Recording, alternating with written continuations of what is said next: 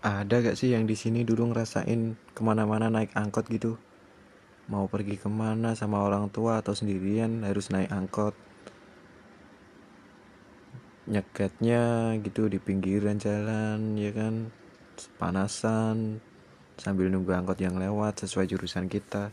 Tapi sekarang cuy kasihan banget sih. Kasihan banget sih para supir angkutan umum ya kan? Sekarang pada sepi cuy ya gimana gak sepi udah kalah saing sama ojol di mana-mana udah ada ojol yang lebih praktis kita nggak usah nunggu kepanasan ya kan? Kita nunggu dari rumah pun bisa tinggal mencet-mencet di aplikasi dateng deh tuh ojol kita gak harus nyamperin atau enggak harus nunggu di jalan yang gede gitu biar papasan atau biar angkotnya lewat. Padahal seru loh cuy naik angkot tuh. Apalagi kalau kita bareng teman-teman yang rame gitu kita serasa kayak ngemilikin angkot tersebut ya kan